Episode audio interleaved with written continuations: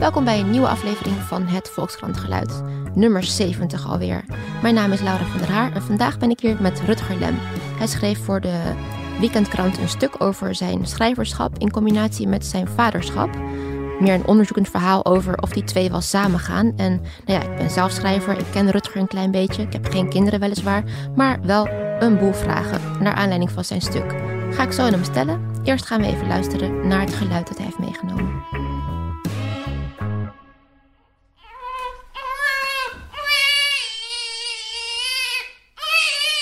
Oké Rutger, een huilende baby. Is dit de jouwe? Uh, nee, dat was niet mijn baby. Maar wel een huilende baby? Ja, dat is heftig hè? Ja. ik denk blij dat ik geen kinderen heb, nee. Ja, nou, ik heb, het is echt een geluid wat je gewoon niet kan negeren. En volgens mij is het ook zo ontworpen door de evolutie. Ze zijn gewoon, ik denk wel eens aan, aan gewoon de baby's die in de Neandertaler tijd zo heel beleefd huilden en dan zo stierven. oh ja, die huilden natuurlijk ook. Daar denk je nooit over na. Maar die hadden gewoon precies dezelfde geluiden als hier. Ja, de, de meest penetrante, ergelijke baby's die overleefden natuurlijk. Dus daar, daar hebben we nu het resultaat van. Dat, uh, ja. ja, dus stiekem ben je een beetje trots als je kind huilt. Eigenlijk wel, ja. Ja, het is toch gewoon een soort, soort overlevingskreet. Ja. ja. Nou, je hebt een stuk geschreven afgelopen weekend over jouw ouderschap en je schrijverschap. Ehm, met een bepaalde basisvraag, zeg maar, of dat wel te combineren is. Maar eerst wil ik even weten, zeg maar, kun je even zeg maar, je dag schetsen? Je, je bent dus vader en schrijver. Hoe is jouw dag? Wat doe je? Je staat op, hoe laat en dan? Uh, nou, vandaag bijvoorbeeld uh, ja, hebben we mazzel en pech. Want uh, Tinus, onze zoon, was s s'nachts heel veel wakker. Dus ja, dan heb je gewoon een rotnacht. Maar dan heb je vaak wel als gevolg dat hij wat later wakker is. Dus ik was vanochtend om acht uur wakker. Dus dat was dan... super deluxe. Super deluxe, maar wel alsnog ben je dan heel moe. Dus en je weet gewoon niet hoe laat je wakker wordt. Dus het is ook een beetje. Het freelance bestaan is al onvoorspelbaar. Maar nu met een baby is het ook nog zo van. Helemaal vet eng. Wanneer het begint is ook nog maar de vraag. Dus, dus vanochtend was het acht uur. Nou, en dan ben je gewoon heel traag en ongeconcentreerd. Alles een beetje zo proberen te doen met ontbijt en hem. En, uh... Klinkt vaag nog steeds. nou ja, ja zo'n ochtend is gewoon. Zeker als je, als je gewoon zo'n slechte nacht hebt gehad, is gewoon een beetje een soort van uh, overleven. En dan uh, had vandaag mijn vriendin uh, dienst. Uh, maar omdat ik hier smiddags... Een dienst is dus babydienst? Ja, ja. ja. Dus ik kon het een beetje zo afschuiven. Maar omdat ik hier dan heen moest smiddags... dacht ik, ga ook niet naar kantoor, want er is niet genoeg tijd. Dus dan ging ik thuis werken. En dan merk je eigenlijk alweer meteen dat het gewoon niet gaat. Omdat je gewoon dan toch half betrokken bent. Je hoort de hele tijd al die geluiden. Je denkt toch van, oh, het gaat nu niet goed beneden. Moet ik helpen? Ik voel me schuldig. Uh, of, uh, ja, of ik wil bij hem zijn. Um, dus uh, ja, ik heb gewoon niet echt goed kunnen werken thuis. Nou, je staat constant aan dus. Ja, ja, op twee vlakken dan dus. Dus je probeert en een soort van geconcentreerd te zijn op, op het schrijven. En aan de andere kant roept een andere plicht ook nog steeds. Ja, want dat schrijf je ook. Dat constant aanstaan heb je eigenlijk nodig als schrijver. Ja. En nu wordt dat een beetje gestolen door je baby. Hoe zag je dag eruit voordat je die baby had? nou, wel veel inefficiënter, denk ik. Dus, toen dus eigenlijk is het winst? Op een bepaalde manier wel, ja. ja dus ik, deed, ik deed toen echt, echt ook wel vaak helemaal niks. um, maar als het dan eenmaal begon te lopen, dan had ik wel gewoon hele dagen dat ik gewoon geobsedeerd bezig was. En dan ook weer vergeten om uh, naar de wc te gaan en te eten natuurlijk. Uh, en dat, ja, dat kan nu niet meer. Dus uh, nu moet ik het meer plannen of denken van... oh, dit zijn mijn drie dagen dan, of vier soms. en dan moet ik gewoon gaan. Heb je heimwee naar die uh, obsessieve dagen van toen? Ja, soms wel. Het is wel, uh, ook, ook omdat je meer alleen bent. Dat is natuurlijk ook wel heel fijn aan schrijven. Dat je gewoon, uh, ja, het alleen zijn is, is, is heel prettig. Ja, hey, waarom wilde je per se dit stuk schrijven? Ehm, ja, ik probeer altijd vanuit mijn eigen persoonlijke leven dingen te onderzoeken en dan algemeen herkenbaar te maken. Uh, dus uh, soms heb ik een probleem en dan denk ik, hmm, hm, hoe, kan ik daar geld mee verdienen? hoe kan ik daar geld mee verdienen? nee, maar ik denk, ik denk dat, ja, soms, soms google je dan en dan blijk je de enige te zijn en dan heeft het niet zoveel zin om erover te schrijven. Maar in dit geval kwam ik zoveel essays van met name vrouwen tegen die hier ook mee worstelen. en heel veel van die blogposts van hoe je dit moet doen en zo. Toen dacht ik, ah, het is wel echt een ding en ik, ik heb er nog niet over gelezen, dus dan ga ik het maar doen. Hè, maar je las er heel veel over? Maar... Nou ja, hier in Nederland. Dus, dus het waren vooral Engelse... Oh, op die manier. Ja. want mijn volgende vraag was eigenlijk of dit nou een specifieke mannenstuk is. Of dat een vrouw dit bijvoorbeeld ook zou kunnen schrijven. Nou ja, de- ik, ik heb het aan iemand laten lezen, een, een, bevriende moeder. En die werd heel boos over iets. Een bevriende moeder. Ja, ja, ja, ja. Nee, een, een vriendin die ook Ja. eh, een tweeling heeft. Eh, ik ben wel blij dat ik dat niet heb trouwens. Maar ehm, die, eh, die, die, die zei ook dat ze een beetje boos werd van een zinnetje eh, waarbij ik iets zei over de emancipatie. Omdat ze, omdat ze zei, ja, dat mag een man gewoon niet zeggen. Dus ik Wat heb, dan? nou, dat was, er staat op een gegeven moment in van, er is heel veel veranderd in de man-vrouw verhoudingen. En vrouwen eh, hebben daardoor meer vrijheid gekregen, meer carrièrevrijheid. En mannen nemen hun verantwoordelijkheid. En zij zei, dat is allemaal waar, maar jij mag dat gewoon niet. Het klonk erbij een beetje als mansplaining misschien voor haar. Maar ik kwam er gewoon tijdens het schrijven achter dat dit gewoon op een bepaalde manier een, ook vooral heel relevant is voor vrouwen. Dus eh, ja, ik moest wel dat perspectief ook erin halen. En nou heb ik het geluk voor dit stuk dat mijn vriendin ook schrijver is. Dus kon ik het een beetje vanuit die hoek benaderen. Ja, want ik moet zeggen, toen ik het las, dacht ja, sorry daarvoor. Ik heb zelf geen kinderen, dus misschien heb ik helemaal geen recht van spreken. Maar ik dacht, even schoot het wel door me heen van, hè, wat een gezeur. Er zijn toch, iedereen op aarde heeft ongeveer een kind. En die hebben ook allemaal een baan. Waarom is dat zo anders met een schrijver? Ja, nou dat zeg ik ook hè, in de introductie. Dus, dus dat heb ik ook al getackeld. Je hebt jezelf al ingedekt van ja, tevoren. ja, want die, dat commentaar hoorde ik natuurlijk al meteen in mijn hoofd. Ehm, maar eh, ja, ik, ik, ik weet niet. Ik vind het gewoon. Ik, tuurlijk, het is op zich als zeg maar praktisch probleem is het niet per se heel uniek. Maar ik, ik vind het gewoon de, eh, de spanning die tussen het creatieve en dat ordenende eh, ontstaat heel interessant. En ook dus blijkbaar eh, waar ik tijdens het onderzoek achter kwam. De, de literatuur die er nu uit ontstaat. Dus er zijn heel veel boeken die nu juist door vrouwen ook geschreven worden over dit eh, probleem. En dat zijn toevallig ook mijn lievelingsboeken van de laatste jaren. Dus eh, ik wil het Oh, ook ja. vooral daarover hebben eigenlijk. En misschien dat het ook juist is omdat je als schrijver dus sowieso al iets meer twijfelt of beter nadenkt over sommige dingen. Dat je daardoor Ja, nou en het is sowieso ook meer een rommeltje al. Dus, eh, je hoofd. met- ja, je- ja, in mijn leven. Dus, dus wat ik ook geschreven, dus de, de, de, de, de scheiding tussen privé en werk is altijd al schimmig. En nu privé nog eh, meer van je vraagt, is dat alleen maar een, een, een grotere strijd geworden. Eh, vroeger wist ik ook niet wanneer ik moest stoppen, wanneer zeg maar, het einde van mijn werkdag was. En nu moet je nou, nog beter over gaan nadenken. Van oké, waar plaats ik die grens? En Is die grens er überhaupt wel? Dat soort dingen. En zou het misschien ook niet juist... Ja, ik kan me ook voorstellen, je zei net je werkt veel thuis. Misschien is het juist wel veel relaxter. Je, bent, je hebt veel meer tijd met de baby dan een cashier of zo, of een eh, arts. Of... Ja, nou, ja, ik ben wel heel blij dat ik inderdaad, in tegenstelling tot veel andere vaders eh, eh, en moeders, de, de, de eerste paar maanden er veel meer bij ben geweest. Dus in die zin, dat vond ik wel ook heel lastig, want toen had ik nog geen kantoor en toen verlangde ik ook heel erg naar, naar, naar mijn werk. Maar eh, aan de andere kant maakte ik daar, eh, daardoor ook eh, die ontwikkeling van dichtbij mee. En dat was ook wel heel waardevol. Ook heel goed voor de band, denk ik. Dus nu kan ik gewoon een week kamperen en dan weet je nog wie ik ben. ja. Ja. En doe je dat ook? Ehm, nou, soms. Ik kan wel beter dan mijn vriendin echt hem vergeten of zo. Dus als, ik, als ik aan het werk ben op dat kantoortje wat ik nu heb en het loopt lekker, dan, dan is het niet zo dat hij in mijn achterhoofd zit. Dan, dan, Dan ben je weer Rutger de schrijver. ja, dan ben ik ook echt geen vader meer eventjes. Oh ja? Ja, En dan moet je weer helemaal terugkomen thuis. beetje ja, ja, ja, ja. En, het, ja. en dan is het ook weer irritanter of zo. Want als je er even uitgaat, dan, Het vaderschap bedoel je? Ja, dan is al die, al die eh, onrust en herrie en zo. Het is een beetje zoals hè, misschien bij mijn vader als hij thuis kwam, dat misschien zo was. Dan moet je er weer even inkomen. Mhm. Terwijl als je dat de hele dag meemaakt, dan, eh, dan is dat gewoon de status quo. dan denk je, Dan wordt het gewoon achtergrondrumoer. ja, ja, precies. Ja. Maar goed, maar ja, ik denk ook wel dat het misschien breed herkenbaar zou kunnen zijn, omdat nou, ten eerste heel veel mensen willen schrijven. en ten tweede, ja, er zijn meer freelancers dan ooit. En, en ja, een deel daarvan is ook nog andere creatief beroepen dan schrijvers. Dus eh, ik denk dat wel veel mensen hiermee worstelen. En ook veel mensen, misschien zoals jij, eh daar ook niet willen. Want ik was ook, daar wilde ik eigenlijk het stuk mee beginnen, maar ik was op een gegeven moment een vriend aan het mailen eh, die cabaretier is. En die, eh, die had een paar van mijn stukjes over het vaderschap gelezen. En die zei, eh, mag ik je vragen... En ik weet dat je eerlijk gaat zijn, want dat, dat waardeer ik aan je, dat je vaak eerlijk bent. heb je spijt? Omdat hij zich echt niet kon voorstellen ja, dat, je, dat je je werk, zeker je creatief werk, waar je zo voor hebt moeten vechten, nou, twintig jaar lang, dat je dat zou opgeven, ook maar een klein beetje. En wat was je antwoord? Ja, nou ja, wat ik in het stuk zeg, dus eh, die ontwikkeling, die persoonlijke ontwikkeling, had ik ook niet willen missen. Want je, ja, je wordt er gewoon een, een dieper en beter mens van. je kijkt erbij. maar is het zo dat je dus een, een deel van je werk weggooit? Door het hebben van een kind? Ik denk wel dat, dat, dat er een bepaalde scherpte en zeker tijd om echt diep, diep en lang uh, ergens in te gaan, dat dat wel verdwijnt, ja.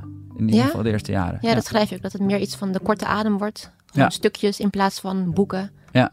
Dus je zou dan kunnen zeggen dat het je schrijverschap veranderd heeft. Een kind krijgen. Ja, zeker. Of Maar nu ja, even. kijk, ja, uiteindelijk, uiteindelijk maak je altijd alles goed voor jezelf in je hoofd. Eh, tenminste, veel mensen doen dat. En ja, die conclusie van mij dat dat zeg maar de korte stukjes literatuur de nieuwe soort literatuur is, is natuurlijk heel erg zelfdienend. Want dan denk ik, oh ja, ik zit op het goede spoor. Eh, klopt. ja, ja, precies. Ja, misschien, eh, misschien had ik het nooit moeten doen. Dat weet ik niet. Dat, zal, dat, zal, dat kan ik niet zeggen. Maar op dit moment denk ik dat het een, eh, ja, wel klopt, die keuze. En dat het ook kan, zeker. Ja, en bovendien lijkt het me ook iets tijdelijks. Dat kind wordt op een gegeven moment ook ouder. Ja, precies. Ja. Maar ik las net een column van Nia Weijers over dat ze een nieuw boek aan het schrijven is. En hoeveel ze door, door het eh, park aan het struinen is eh, met, met twijfel daarover. En hoe, hoe ze niemand ziet en hoe ze helemaal een soort van in de eentje daarin op aan het gaan is. Toen was ik wel, ook wel een beetje jaloers, toch? Maar je zou toch bij wijze van spreken gewoon een week weg kunnen boeken. En in een park gaan struinen. En, Ja, maar ja, dat, dat niet? ja, maar dat, ja dan, la, dan, dan eh, zadel je je partner er weer mee op. Partner?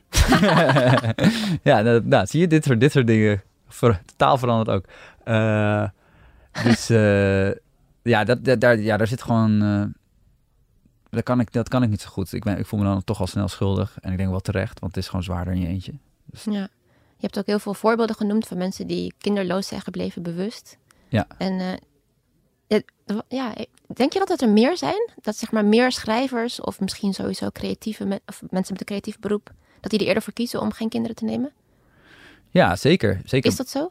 Ja, nou, Oh, ik weet niet. Ik heb geen eh, onderzoek daarna gedaan met statistieken. Maar eh, mijn gevoel is inderdaad dat, dat schrijvers vaak toch bindingsangstiger zijn. Eh, en zeker bijvoorbeeld comedians. Dat is natuurlijk een andere beroepsgroep waar ik toe behoorde. Eh, die blijven altijd echt tot hun 40ste, 50ste alleen. En dan nemen ze misschien nog een kind. Oh, echt? Ja, Maar bij schrijvers is dat. Ja, ik was vanochtend ging ik even voor mijn boekenkast aan. Toen ging ik zo een beetje scannen. Zo van, ah ja, die heeft ook een kind. Volgens mij.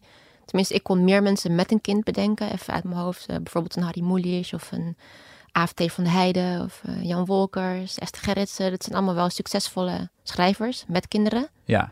Eh, mijn gevoel was volgens mij gaat het vaker wel goed dan niet. Nou, er zijn natuurlijk ook wel voorbeelden van te, te geven van dat het wel werkt. Annie M. G. Schmid zei degene die me een stuk redigeerde. Oh ja, maar die was niet zo aardig, toch? Oh, kijk, nou. Of wel? Nou ja, maar dat is dus vaak het probleem. Dat, dat schrijvers met kinderen eh, wel boek kunnen schrijven en kinderen soort van kunnen opvoeden. Maar ondertussen zijn ze wel echt een lul of een bitch tegen hun kinderen. En eh, eh, ja, dat, ja, dat was ook wel vaak iets wat ik dacht. Ik dacht dan ook aan bijvoorbeeld aan ah, ja, echt grote namen in ook andere kunstvormen, zoals Bob Dylan of zo. Dat, daar hoor je altijd van, oh ja, dat zijn verschrikkelijke vaders. En dan denk je van, oh, misschien zijn ze wel zo geniaal. Omdat ze ja, die energie en die aandacht nodig hadden om, om, om, om briljante dingen te creëren. En dat vind ik vooral heel eng. Van, word je minder goed doordat je iets eh, deelt.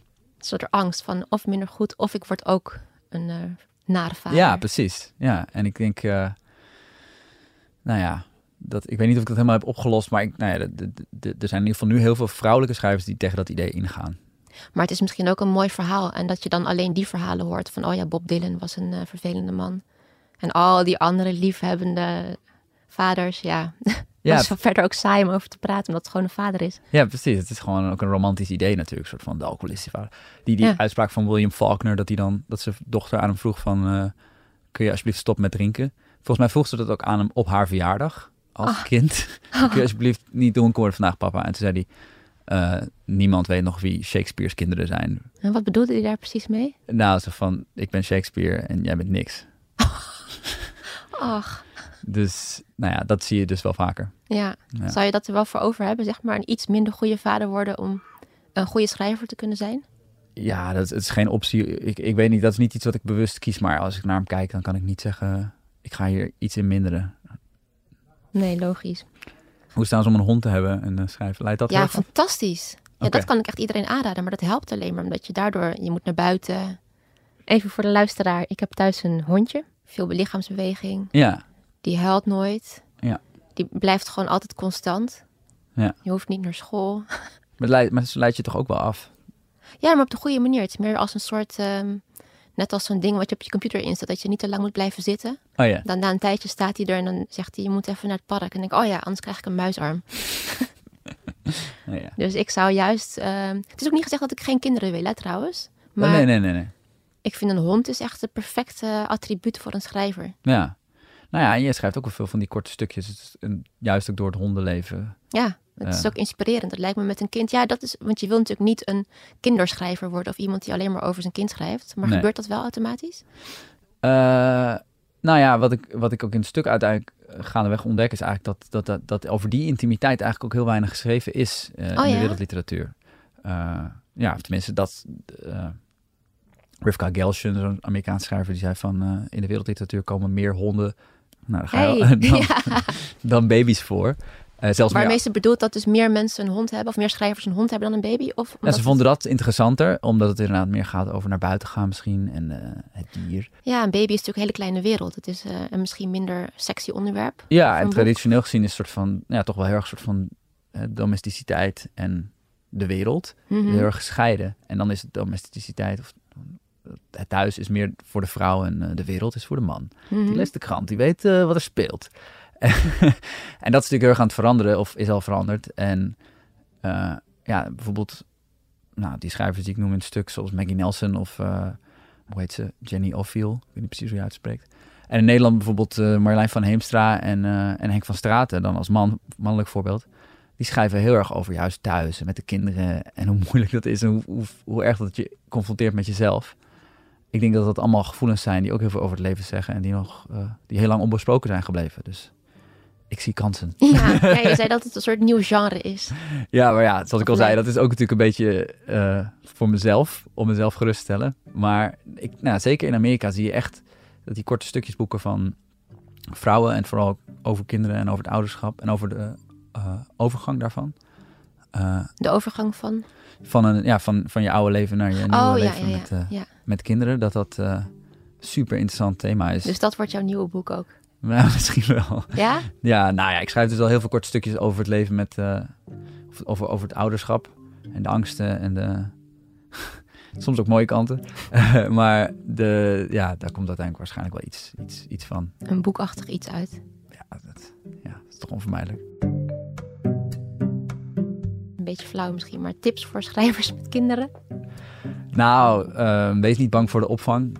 Eh, wij zijn toch wel heel eh, voorzichtig daarmee geweest. Van, oh, kan je een baby van drie maanden al... ja, die kan alleen maar liggen. Leg je hem in feite gewoon daar neer. Ik vind dat gewoon zo respectloos op een bepaalde manier.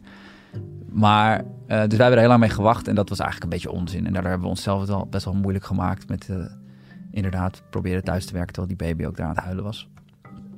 Of thuiswerken als opa's en oma's aan het oppassen zijn. Wat echt nog... Ja, dat is misschien het moeilijkste wat je ook schreef. Van als je gewoon een eh, kantoorbaan hebt, dan weet je gewoon... Ja, jij als man moet als twee dagen weer op je kantoor staan. En dan kun je niet anders. En Ja. jullie kunnen wel anders. Ja, Praktisch, nou ja, niet, maar... Precies, die, dat is echt een, het is echt een keuze. Dus eh, ja, je wordt niemand die zegt van, hé, hey, kom eens even terug. En je moet echt zelf beslissen, oké, nu ga ik weer aan het werk. Ja, het is ook gewoon eh, je werk serieus nemen. Ja, ja. Nou ja, precies, dat, dat, dat, dat, dat zou ik toch wel ook wel zeggen. Want dat is ook heel belangrijk om voor jezelf te zorgen, dat je dat domein voor jezelf behoudt. Dus eh, gewoon naar de opvang. Ja, dagen inplannen. Dan werk je, dan is het kind naar de opvang. Ja, precies. En eh, accepteer gewoon inderdaad dat. eh, volgens mij is er nog niet eens al het onderzoek gedaan naar wat er allemaal gebeurt, hormonaal gezien en misschien ook in je hersenen qua ontwikkelingen bij jonge ouders. Oh ja, dat is natuurlijk ook zoiets. Je hele, nou ja, scherpte en bewustzijn en zelfs eh, je immuunsysteem geloof ik verandert. Echt aantoonbaar minder scherpte in je, in je brein. Ja, precies. Dus, en dat ook door het slaaptekort natuurlijk. Dus het, eh, ja, het is gewoon heel heftig. En dat maakt dat je ja, gewoon op een bepaalde manier even dommer bent. Eh Misschien dus ook juist weer creatiever, omdat je daardoor wat losser kan zijn. Of... tuurlijk, zoals je ook met een kater soms Ja. eh, goed kan schrijven Ja, juist. ja. Maar, maar eh, grotendeels denk ik dat het vooral eigenlijk gewoon je minder, minder scherp maakt. En dat is best beangstigend, want dan denk je van, oh, eh, komt het nog terug? En nou, het komt sowieso terug. Ja, dus daar waarschijnlijk- ben je nu eigenlijk al uit. uit die periode? Ja, ik, ja mijn zoon is nu uh, elf maanden. En uh, nou, dat zeggen ze allemaal, dan wordt het wat makkelijker. En dat is ook zo. Dus, uh, dus nu voel ik het wel weer terugkomen en de scherpte. En nou ja, ook wel weer dus op een nieuwe manier. En ook het ding van, ik dacht ook in het begin, ik had vaak gehoord dat jonge ouders met creatieve beroepen, zoals Theo Maas, had ik dat in een interview bijvoorbeeld van gelezen. Die zei van ja, met de uurtjes die je hebt, ga je opeens dan heel efficiënt om. En ik had het helemaal niet. Ik zat nog steeds, zeg maar, dan als ik dan twee uur had, dan ging het voorbij met Facebooken of... Oh ja, of... voelt het helemaal bijna als een bedreiging dat andere mensen dat dan ook kunnen. Ja, ja, precies. Ik dacht, ik dacht nu dat ik gewoon vanzelf efficiënter werd. En ook dat kost gewoon tijd. Maar goed, vaak vind ik wel de tips die ik achteraf aan mezelf zou geven echt zo uh, obvious dat ik het ook wel een beetje weer stom vind klinken. Van ja, tuurlijk. Maar, maar je had ze zelf graag gehoord van tevoren. Ja, ja. Hm. En nu, wat ga je nu doen? Naar je werk of naar je baby? Nu uh, ga ik verder met de werkdag, dus dat is wel heel fijn. Alleen uh, tijdens het schrijven is het niet omdat ik veel afspraken heb ingepland. Dat Sorry. Is, ja, dat is, dat, is, dat is ook nou, bedankt dat je hier toch wilde zijn. bekende fout. Maar... Dankjewel, Rutger. Alsjeblieft, Laura.